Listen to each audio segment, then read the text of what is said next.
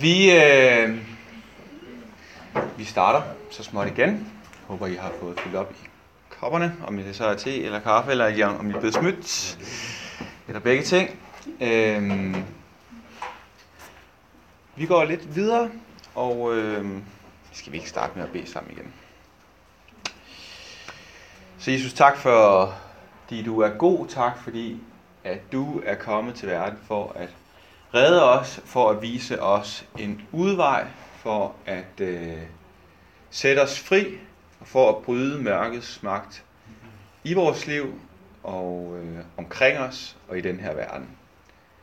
Og Jesus, jeg beder bare om, at du vil drive al frygt ud af os med din fuldendte kærlighed, som fordriver al frygt, og jeg beder om, at vi må vandre i frimodighed og i sandhed og i vidsthed om, at når vi går med dig, så er vi på vinderholdet, og så er vi stærke, øh, og så er vi i stand til at stå imod den onde.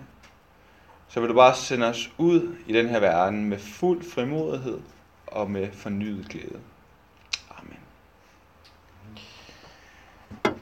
Godt. Ja. Krigen mod det onde, øh, det for, den fortsætter, når vi åbner vores Nye Testamente. Øhm, et af de første steder, man, man støder på det, det er i, i Lukas evangeliet, øhm, kapitel 4, hvor Jesus han har et møde med djævlen. Og der står sådan her, Jesus vendte tilbage fra Jordan, fyldt af helligånden. Og før da ånden var han ude i ørkenen i 40 dage og blev fristet af djævlen. Han spiste ikke noget i de dage, og da de dage var gået, led han sult. Der sagde djævlen til ham, hvis du er Guds søn, så sig til stenen her, at den skal blive til brød. Men Jesus svarede ham, der står skrevet, mennesket skal ikke leve af brød alene. Så førte djævlen ham op og viste ham i et nu alle jordens riger og sagde til ham, dig vil jeg give alt denne magt og herlighed, for den er overgivet til mig, og jeg giver den til hvem jeg vil. Hvis du altså tilbeder mig, skal alt dette være dit. Men Jesus svarede ham, der står skrevet, du skal tilbede Herren din Gud og tjene ham alene. Derpå førte djævlen ham til Jerusalem, stillede ham på templets tjener og sagde til ham, hvis du er Guds søn, så styrt dig ned herfra, for der står skrevet, han vil give sin engle befaling om at beskytte dig, og de skal bære dig på hænder, så du ikke støder din fod på nogen sten. Men Jesus svarede ham, der er sagt, du må ikke udæske Herren din Gud. Da djævlen ikke havde mere at friste med, forlod han ham for en tid.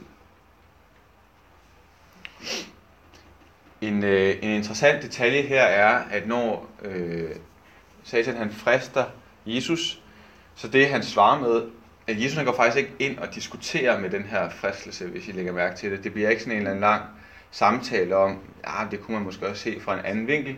Det er en ret klar afvisning, og så er det faktisk en afvisning med Guds ord. Jesus han citerer 5. Mosebog tre gange i løbet af den her relativt korte samtale med djævlen. Øh, og det synes jeg bare er meget, meget, meget øh, fedt at tænke på, at øh, vi skal senere kigge på, hvordan Satan han kan friste og lyve og anklage os. Og øh, Jesu våben, det var at citere, citere Guds ord, øh, bruge Bibelen, fordi at vi tror på, at det er levende virksomt, at det er stærkt, og at det kan afvise den onde, fordi Satan han har ikke mere at friste ham med, så forlader ham, ham, han ham for en tid. Øh, så det er endnu en god grund til bare at fordybe sig i Guds ord, fordi det er et mægtigt våben i den kamp, som øh, vi også står i. Nå, det var lige en parentes. Det jeg egentlig gerne vil sige med, med det her, det er, øh, at kampen ikke er slut endnu. Øh, djævlen, dæmoner, øh, den onde åndsmagt dukker op ubehageligt mange gange, når vi åbner det nye testamente. For sådan en moderne læser, så, øh, så virker det øh, overdrevet nærmest. Øh, hvad, hvad, altså, jeg, jeg har senere et, et, øh, et C.S. Lewis citat, hvor han sætter ord på noget af det, men vi kan, vi kan godt undre os over, jamen, jamen hov, det her passer måske ikke lige ind i det verdensbillede, et moderne menneske har. Men det er Bibelen så ligeglad med, fordi sådan er det bare. Øhm. For eksempel kan man læse om, at Jesus han kommer til Capernaum, en by i Galilea, op i det nordlige Israel, ikke så langt fra, fra Genesarets sø. Han underviste dem på sabbaten, og de blev slået af forundring over hans lære, for der var myndighed bag hans ord. I synagogen var der en mand med en uren dæmonisk ånd, og han skreg højt. Hvad har vi dog med dig at gøre, Jesus fra Nazareth? Er du kommet for at ødelægge os? Jeg ved, hvem du er, Guds hellige. Men Jesus troede af ånden og sagde, ti stille og far ud af ham. Dæmonen kastede manden om kul midt i blandt dem og for ud af ham, uden at have gjort ham nogen skade. Alle blev forfærdet, og de sagde til hinanden, hvad er dog det for et ord? Han befaler jo med myndighed og kraft over de urene ånder, og de far ud. Far ud. Og der gik frasavn om ham overalt på egnen. Så øhm, det, det nye testamente tager egentlig bare fat, hvor det gamle testamente sluttede. Der er stadigvæk en ond åndsmagt, som forsøger at øh, lokke Jesus, øh, altså lok, lok, øh, lok Jesus væk fra, fra hans opgave, og en ond åndsmagt, der huserer med mennesker, som binder dem og holder dem i fangenskab. Der er talrige eksempler på mennesker, der er besatte af dæmoner, øh, fyldt af urene ånder, øh, og det, det er slet ikke noget, som det nye testamente føler behov for at forklare. Det er bare en konstatering af, at det er en virkelighed.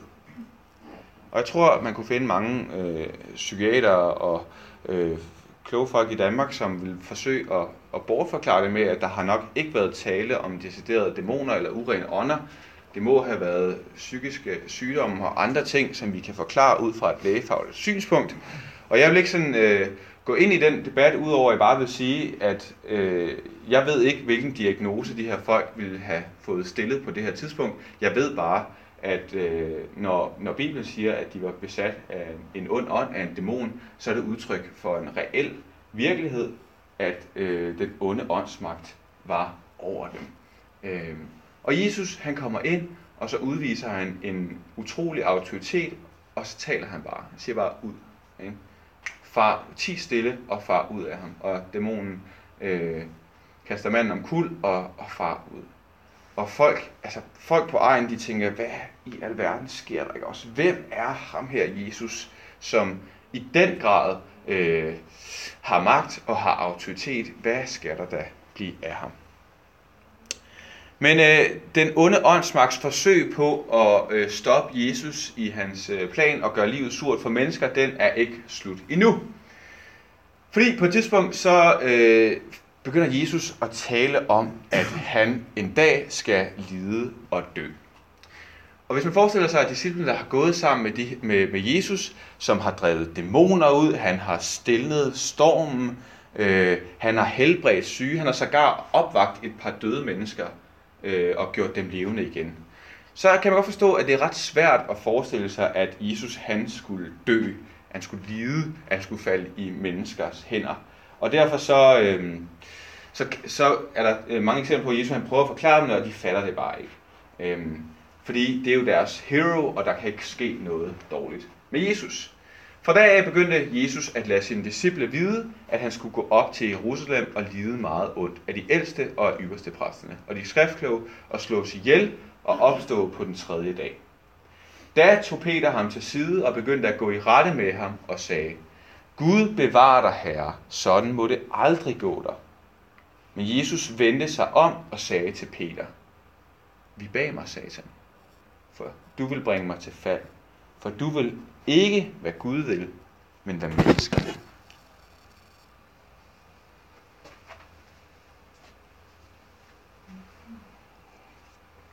Ja, ikke noget at sige til sine venner. Øhm, hvorfor er det, at Jesus han reagerer så stærkt lige her? At man skal tænke på, at disciplene har sagt en masse vrøvl i løbet af deres tid sammen med ham på det her tidspunkt. Ikke også? De har skændtes om, hvem der skulle være den største. Øh, Peter han har faret op, de har ønsket, at øh, Jesus han skulle sende en, en ild ned over en by, som ikke gad lytte til dem. Og, og altså, de har mange skøre idéer og påfund, og Jesus han, man fornemmer sådan, han, okay, forstå det nu, ikke? kom nu, nu går vi videre. Ikke sådan lidt pædagogisk. Men her, så kommer der en ret stærk reaktion fra Jesus, da Peter han går ind og siger, øh, sådan må det aldrig gå der, herre. Og hvorfor gør han det? Det gør han, tror jeg, fordi Peter han stiller spørgsmålstegn ved det helt essentielle i det, som Jesus han skal gøre. Fordi øh, nemlig den lidelse og den død, at han skal slås ihjel og opstå, det har jo ikke været noget, Jesus han ligefrem har glædet sig til, men det har været meget, meget centralt for, at Jesus han kunne gennemføre den frelseskærning, den redning, der var nødvendig. Og det Peter han gør, uden at vide det, det er faktisk, at han sætter, han sætter spørgsmålstegn ved det. Han siger, ej, sådan må det aldrig gå der. Skulle det nu være nødvendigt?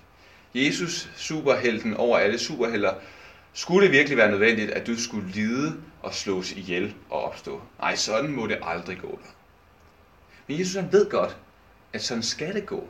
Og sådan må det gå, fordi det er den måde, han kan sætte mennesker fri på. Det er den måde, han kan redde os på. Og derfor så kan man sige, at Peter bliver faktisk et talerør for satan, ikke? Også, som prøver at lokke Jesus væk fra, øh, fra det, han skal. Og derfor siger han, vi bag mig, satan, for du vil bringe mig til fald. For du vil ikke, hvad Gud vil, men hvad mennesker vil. Øh, og det er det her med mennesker, der, vil have, øh, der ikke vil have lidelse, der bare vil have fremgang og, og det hele. Og Jesus han ved godt, niks vejen til herlighed, den går gennem ydmygelse og lidelse. Og det er ikke for sådan at, at, at sætte Peter i et meget dårligt lys, at jeg tager det her frem. Det er bare for at sige, at øh, den onde åndsmagt prøver igen her at bringe Jesus i tvivl og bringe ham ud af kurs.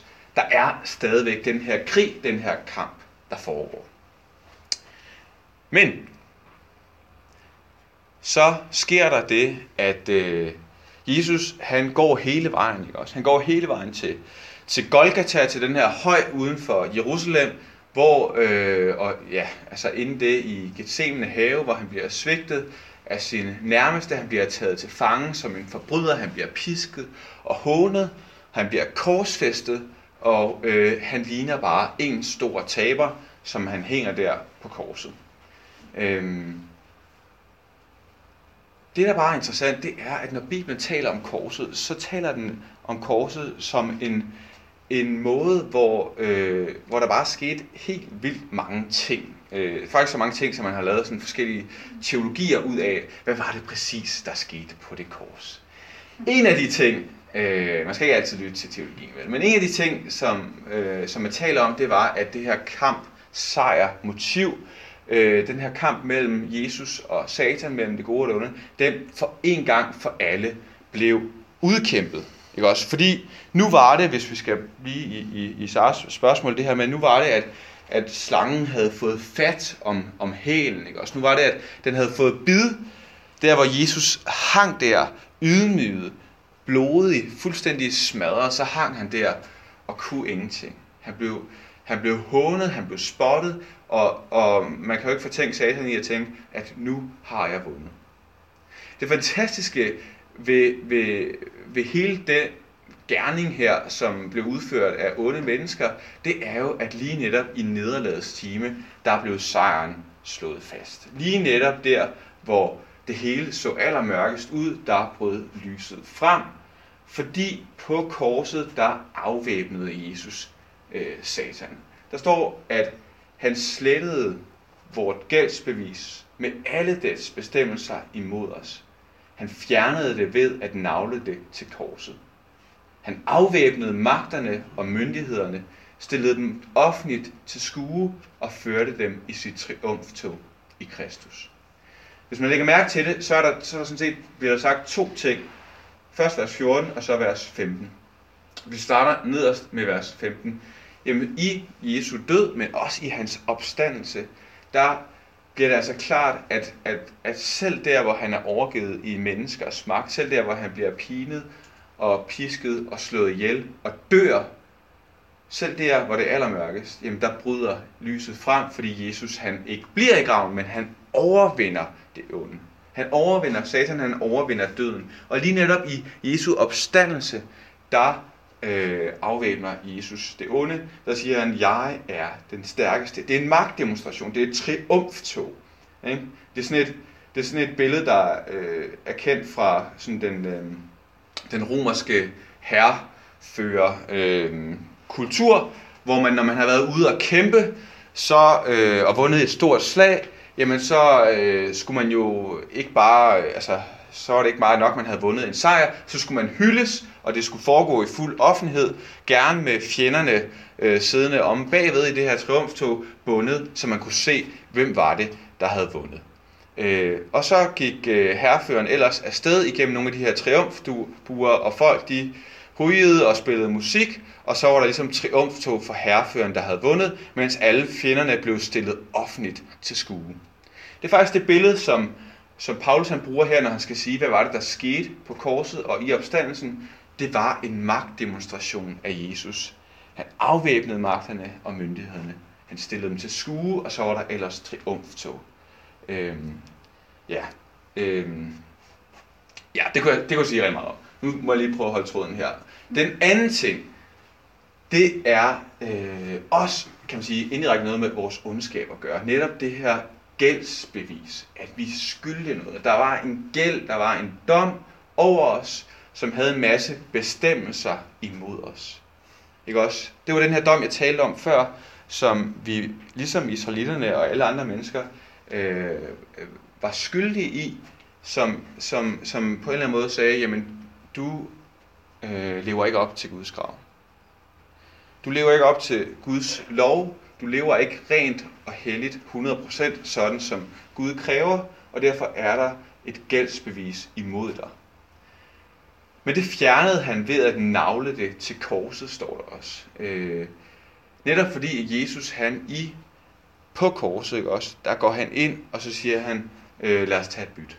Lad os bytte en gang. Så siger han, al min renhed, min hellighed, min retfærdighed, mit fuldstændig fejlfri liv, kære Jesper, kære Sara, kære Victor, kære alle sammen, hvis du vil tage imod det, så er det dit.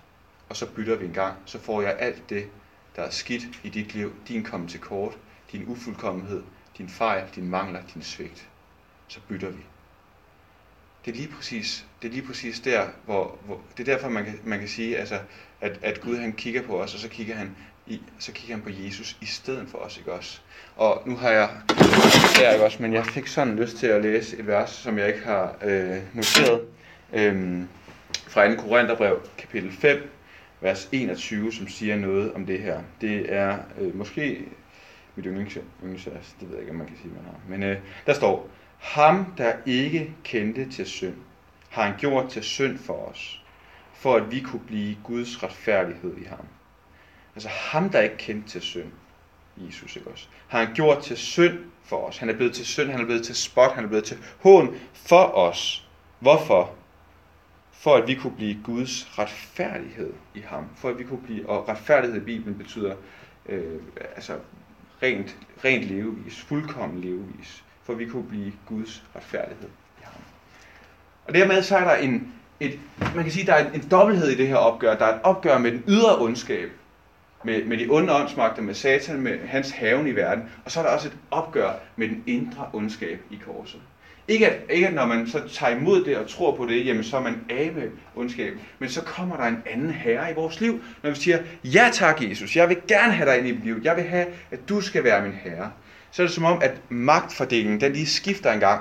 Og så er det altså Jesus, der sidder på tronen. Og så bliver der ført krig alle mulige steder fra inde i mit hjerte. Det oplever jeg jo stadigvæk, at der gør.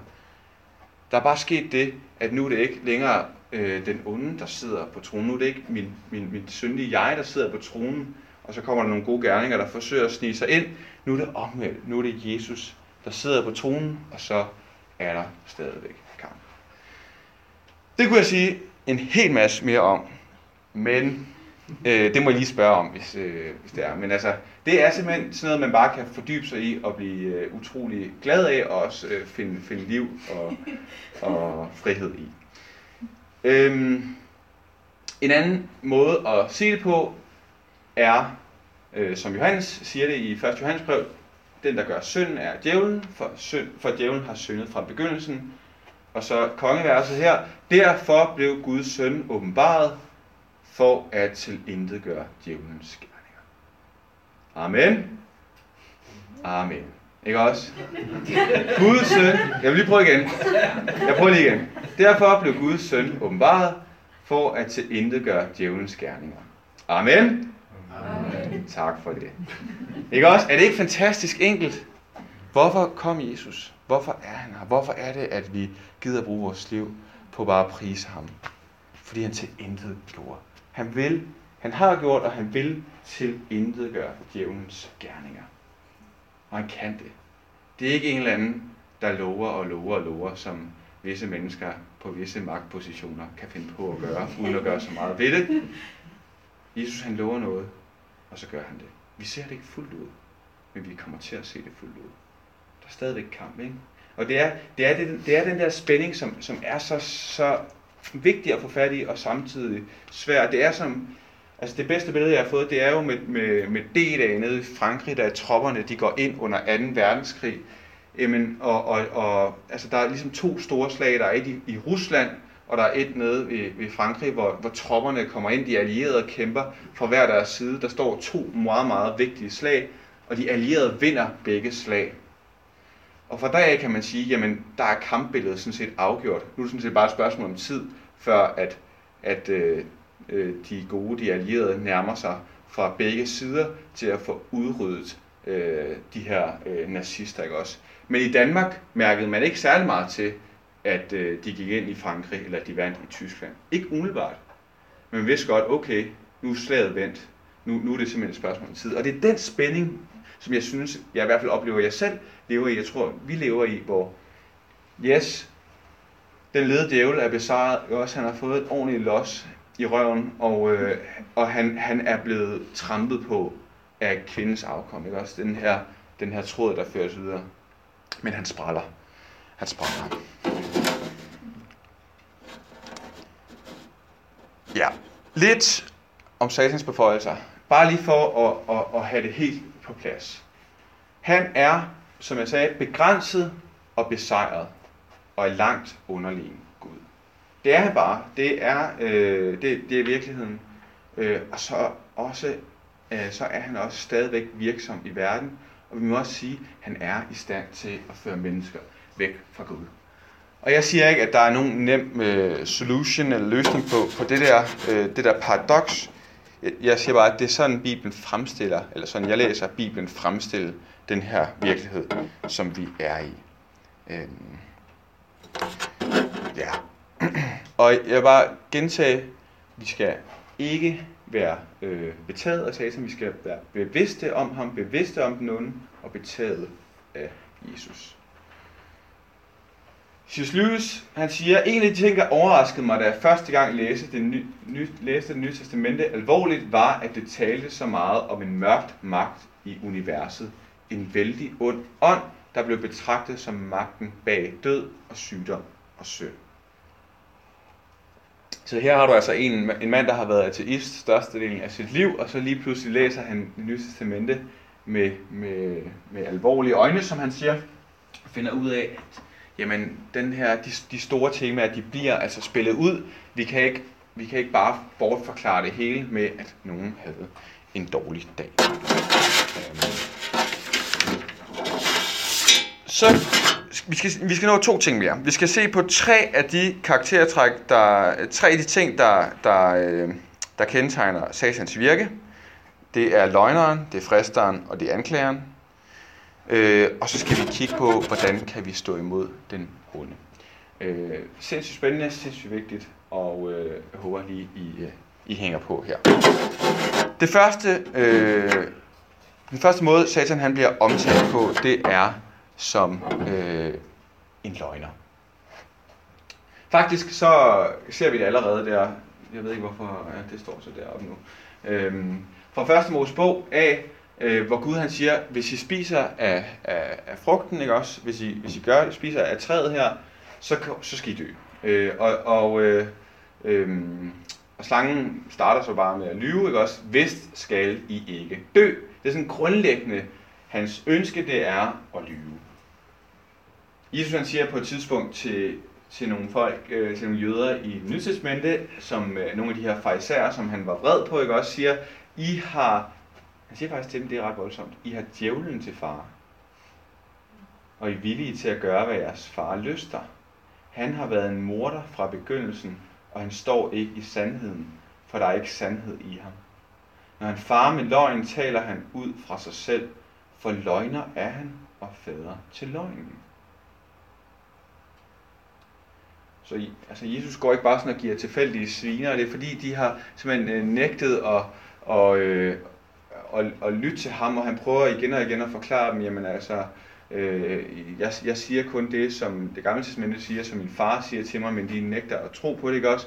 Og så må, må han jo konstatere, jamen altså, hvis Gud ikke er jeres far, så må djævlen være jeres far. Fordi djævlen har bildet den her løgn ind om mig, og djævlen han er en løgner. Det er hans væsen, det er hans natur, det er at føre mennesker bag lys.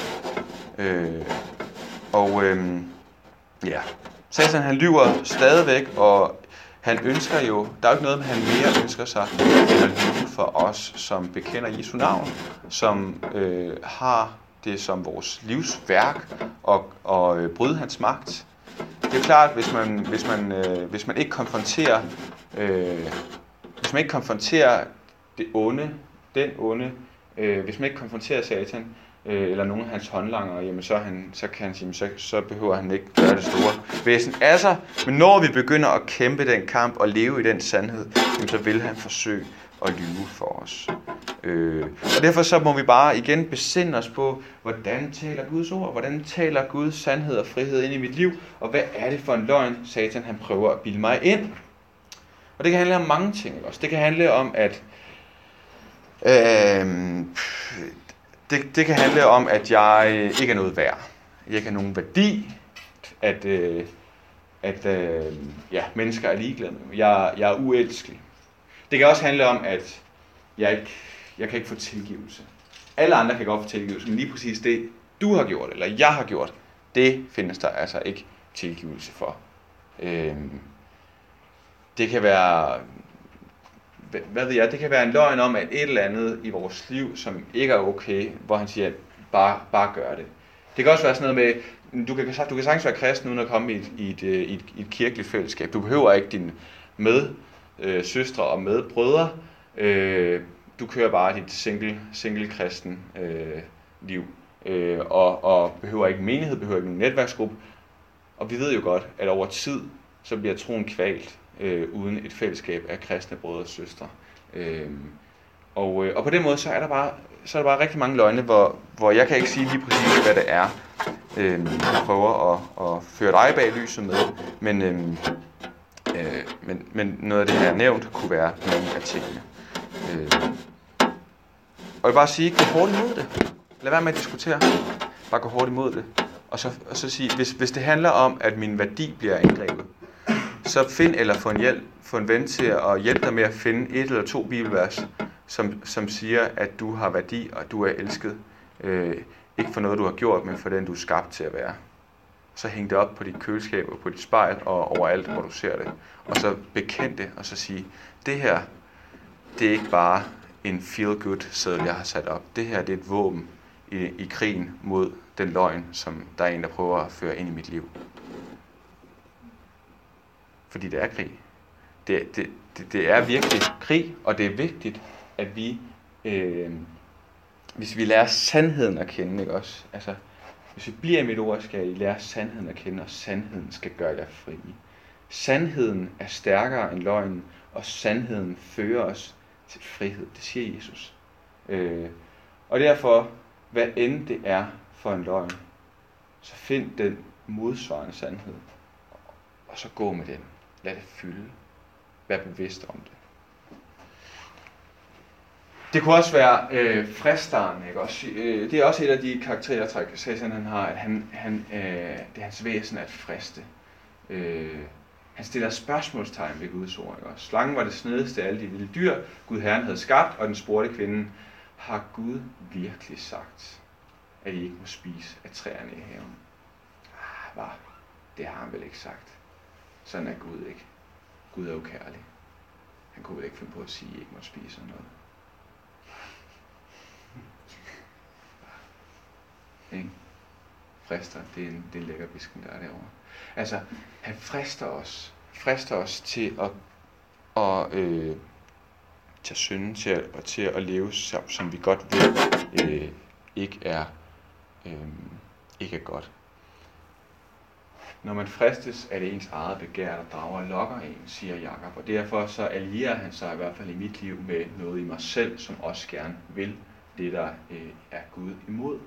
Øhm, øh, og vi kan, vi kan blive fristet på, på mange ting. Øhm, det kan være økonomiske fristelser, man bliver fristet til at snyde i skat, til at arbejde sort, til at lade være med at betale noget tilbage, som man godt ved, man skylder. Det kan være seksuelle fristelser, man bliver lokket til, øh, til utroskab, til øh, øh, at se porno, til at på en måde at gå imod den udlevelse af en seksualitet, som Gud havde tænkt for en. Det kan være fristet, ja, hvad ved jeg ikke også. I, I kender det selv, man, man ved godt, man bliver fristet, og så, øh, og det tror jeg bare er det, Satan her ønsker. Og der, der har jeg fundet et øh, vers, som, øh, fordi jeg falder. Jeg ved ikke med jer, men jeg falder, øh, også for fristelser øh, indimellem. Ikke med min gode vilje, men det gør jeg. Og øh, ikke at man bare skal overgive sig til det, bestemt ikke. Men jeg har fundet et vers, som jeg er meget, meget glad for, fordi at fristelser kan nemt, hvis man falder for dem, føre til fordømmelse, selvbebrejdelse og alt muligt andet. Og der står et sted i Mikas bog, øh, der står sådan her, du skal ikke glæde dig over mig fjende, for jeg faldt, men jeg rejser mig igen.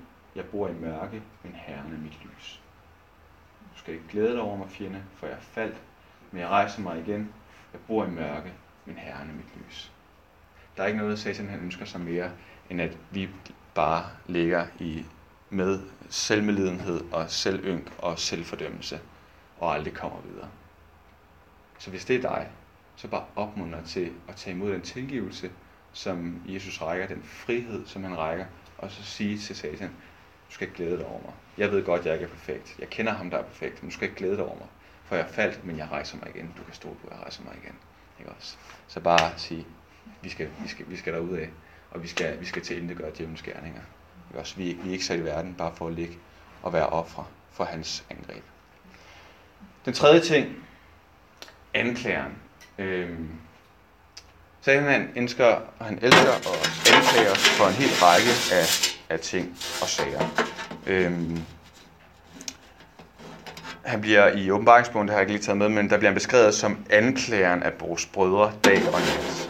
Øhm, det er som regel et eller andet, vi har gjort, hvor han kræver os dømt. Det kan være noget, vi slås med igen og igen, som vi ikke kan få ud af hovedet. Øh, noget, vi har gjort, noget, vi har undladt at gøre. Ikke? Også jeg, jeg har haft perioder i mit liv, hvor jeg bare... Jeg kan lige så tydeligt huske en gang, hvor jeg sagde en lodret løgn lige op i hovedet på en af mine venner. Fordi jeg kunne simpelthen ikke bære lige at fortælle ham sandheden på det tidspunkt. Øh, det var for ydmygende. Og der gik et stykke tid, inden jeg ligesom fik bekendt det for ham. Men selv da jeg så havde bekendt det for ham, så, så var der stadigvæk den her, wow, at du kunne finde på det. Sikkert menneske du er, ikke også? Står du og lyver. Ikke? Og så tror du, at du er kaldt kristen. Og tror endda måske, at du kan fortælle andre mennesker, hvordan de skal leve som kristne. Ikke? Så den der, den der anklage, skulle Gud kunne bruge dig, sådan som du er. Ikke også? Vi fornemmer godt, den måde, det bliver sagt på, de anklager, vi får, det er ikke fra Gud. Det er ikke fordi Gud han altid bare siger det, vi elsker at høre. Det er ikke på den måde. Men den måde, den, den anklagende, den fordømmelse, det er simpelthen ikke fra Gud. Fordi som regel er det jo ret, vi har, øh, er det rigtigt, vi har gjort noget, der er forkert. Men der er frihed fra det ikke også, fordi Jesus har taget han, øh, vores synd på sig. Han har taget, øh, han, han, har taget, han har betalt for den, for den skyld, vi havde. Hvad er der med at sige, at Gud for os, hvem kan da være imod os? Han, som ikke sparede sin egen søn, men gav ham hen for os alle, vil han ikke med ham skænke os alt. Hvem vil anklage Guds udvalgte, ikke også? Hvem er du, satan, din skiderik? Hvem er du, som vil anklage en, der er købt fri af Jesus? Hvem tror du, du er?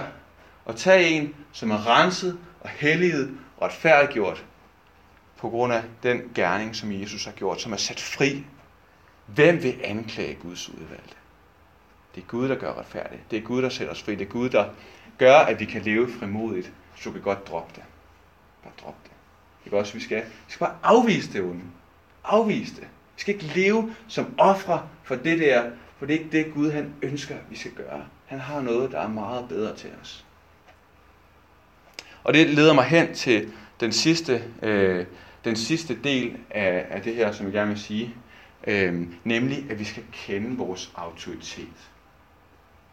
Jeg ved ikke, om I nogensinde har undret jer over øh, sådan nogle betjente her, som stiller sig ud i et eller andet mega befærdet kryds, og så kommer der biler fra alle ledere og kanter, og så står de la la la la la la, og så kører du, og du stopper lige der, og man tænker, det, det er da en kæmpe lastbil, den kunne jo, den kunne jo nakke ham øh, så lidt som ingenting. Hvorfor, hvordan kan sådan et lille menneske finde på at stille sig ud i sådan et kæmpe kryds? Altså det, det kan man da godt undre sig over. Øhm, men vi ved, måske tænker vi ikke over det, men, men svaret er jo, det menneske har autoritet. Han har en eller anden politidrag på, eller hjemmeværende, eller hvem det er, der står derude. Og når folk ser det, så tænker de, nå, det er sådan en. Så skal jeg nok ikke bare køre videre. Så må jeg hellere lige stoppe, indtil jeg får køresignalet. Han har autoritet. Det er ikke fordi, han er stærkere end dem, han har autoritet overfor. Han har bare fået en autoritet, fordi man ved politiet, okay, jeg bliver lige her. Mit budskab til dig er, i Jesus, i troen på ham, så har du autoritet. Du har autoritet til at afvise den onde. I er Gud, kære børn, og I har overvundet dem. For han, som er i jer, er større end han, som er i verden. Den ånd, der bor i dig, Jesus, som bor i dig, han er større end den voldsomme magt, som vi kan se rundt om os. Ikke også? Vi har autoritet til og afvise den ondes løgne, den ondes fristelser og den ondes anklager. Ikke at vi ikke altid bruger den. Nogle gange så kommer vi til kort, ikke også? Det er jeg med på. Men vi har faktisk fået givet en autoritet til imod øh, de her anklager.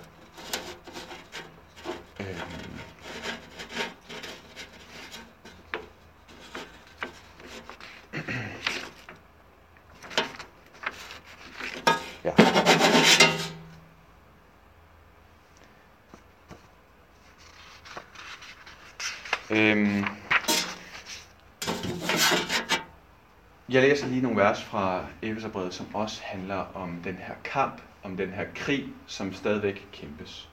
Paulus han siger sådan her, i øvrigt, det er talt til dig og mig, vær stærke i Herren, og i hans mægtige styrke. I fører jer Guds fulde rustning, så I kan holde stand mod djævelens sniløb. Ikke så i måske kan holde stand mod djævelens sniløb, eller på en god dag kan holde stand mod djævelens sniløb. I Guds fulde rustning, så I kan holde stand imod djævelens snille. Til for os står kampen ikke mod kød og blod, men mod myndigheder og magter, mod verdensherskerne i dette mørke, mod ondskabens åndemagter i himmelrummet. Okay, det er altså ikke, det er altså ikke mennesker, det er noget større, det er en, det er en, det er en åndsmagt, vi står overfor. Hvor, hvad skal vi gøre? Tag derfor Guds fulde rustning på, for at I kan stå imod på den onde dag, overvinde alt og bestå.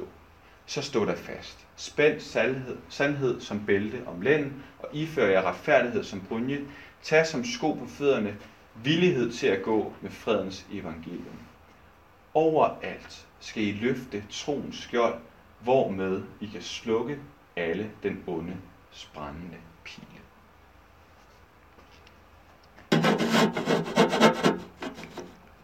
Jeg tror, at troens skjold, som der bliver talt om her, er, er når vi, når vi, når vi ja, tror på Jesus, holder fast i hans ord, i tillid til ham, tillid til, at han er god, at han vil os godt, og at livet er at leve med ham. Så løfter vi det skjold, og så står der faktisk, at I kan slukke alle den onde, spændende pile når du bliver udsat for angreb, så behøver du ikke sige, Åh, jeg ved ikke, hvad jeg skal gøre, og det er også svært, og den onde er jo også voldsomt stærk og sådan noget. Så sige, ja, han er stærkere end mig, men jeg kender en, som er stærkere end ham. Og han bor så i mit hjerte, ham der er stærkere. Og derfor så kan vi bare sige, ligesom Jesus sagde til Peter, ikke også uden, uden ellers øh, sammenligning, så bare sige, vi bag mig, satan. Vi bag mig. Ikke fordi jeg har autoritet over mig selv, men fordi jeg har fået en autoritet i Jesus til bare at afvise ham og slukke den onde, brændende pile. Peter siger, vær overvågne på vagt. Jeres modstander, djævlen, går omkring som en brølende løve og leder efter nogen at sluge. Stå ham imod fast i troen. Stå ham imod, ikke også? og I skal stå djævlen imod, siger Jakob. Vi skal underordne os Gud. De to ting hænger jo ret stærkt sammen. Det med at underordne sit liv under Guds vilje, og så samtidig stå djævlen imod. Så vil han flygte fra jer. Fordi en måde at stå djævlen imod, det er faktisk ved at leve sit liv, sådan som Gud ønsker det. Ved at sige nej til, til øh, det, som øh, ikke er rigtigt. Ved at sige nej til at dyrke andre guder. Ved at, ved at sige nej til, til synden, til løgnen, øh, og stole på Gud. Stole på ham. Stå djævlen imod.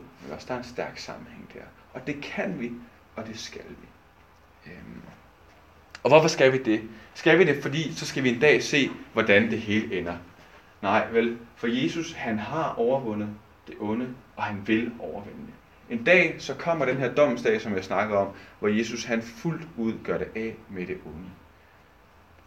Ikke også, hvis I lagde mærke til det, så er fortabelsen det er bestemt for Satan og hans engle. Det har aldrig været tanken, at nogle mennesker skulle tilbringe deres evighed der.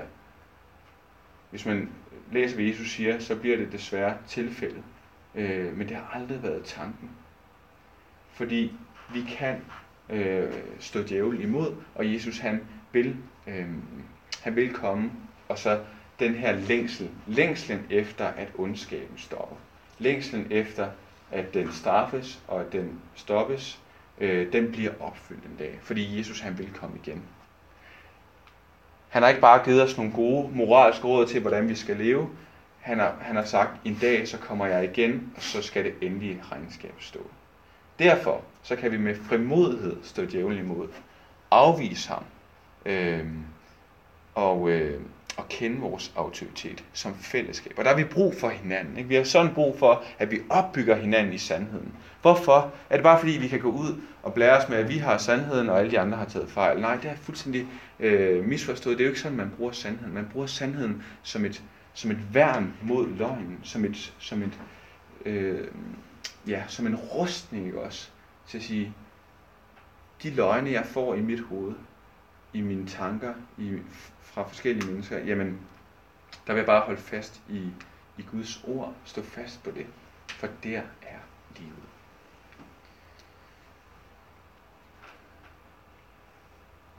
Sidste slide. En lille opsummering.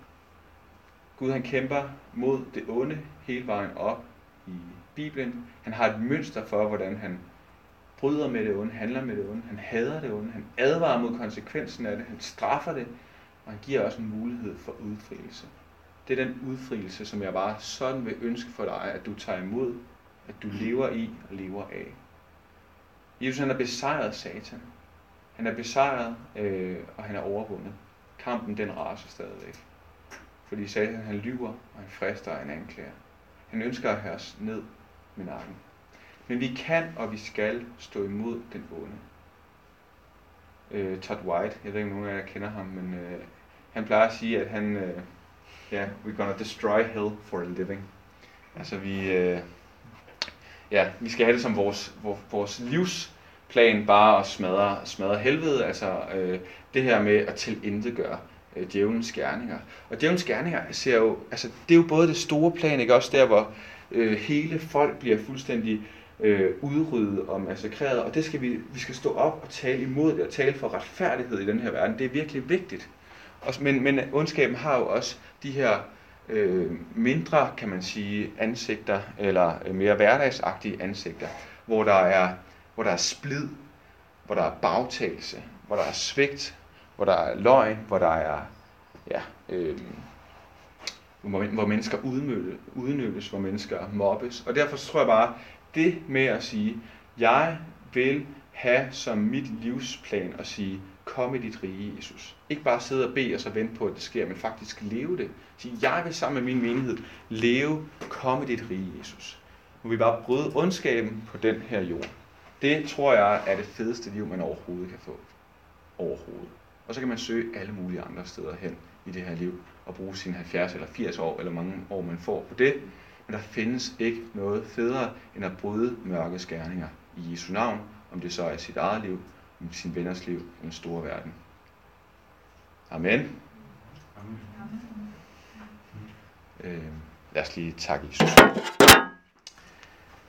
Så Jesus, vi takker dig bare, fordi at du ikke sidder og kigger passivt til, øh, men at du kæmper imod det onde, at du besejrer det, og at du øh, giver os en mulighed for at udfries fra det.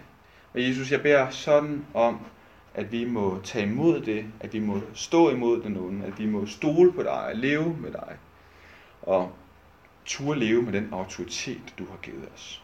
Og Jesus, når vi falder, og når vi føler os magtesløse og kommer til kort, så beder jeg om, at du vil rejse os op, og at vi i dit navn bare må sige, at fjenden ikke skal glæde os over, over os, fordi vi kender dig, og vi kan stå sammen med dig imod den onde. Og Jesus hjælper os til ikke at blive fyldt af frygt, men hjælper os til bare at være bevidste om, at den her virkelighed, den eksisterer, og så være betaget af, hvor meget godt du har gjort for os. Her vi priser og vi takker dig, vi tilbeder dig. Du som er konge i evighedernes evigheder. Som tilhører, dig tilhører al ære og al magt, Jesus. Må dit rige komme. Må dit rige komme i vores by, i vores hjem, i vores land. Hvor end vi færdes, Jesus, så beder vi bare om, må dit rige komme. Og må dit rige komme en dag fuldt ud, når du kommer igen og gør alting nyt. O Herre Jesus, må vi være med, når det sker. Vi beder dit navn, Jesus. Amen.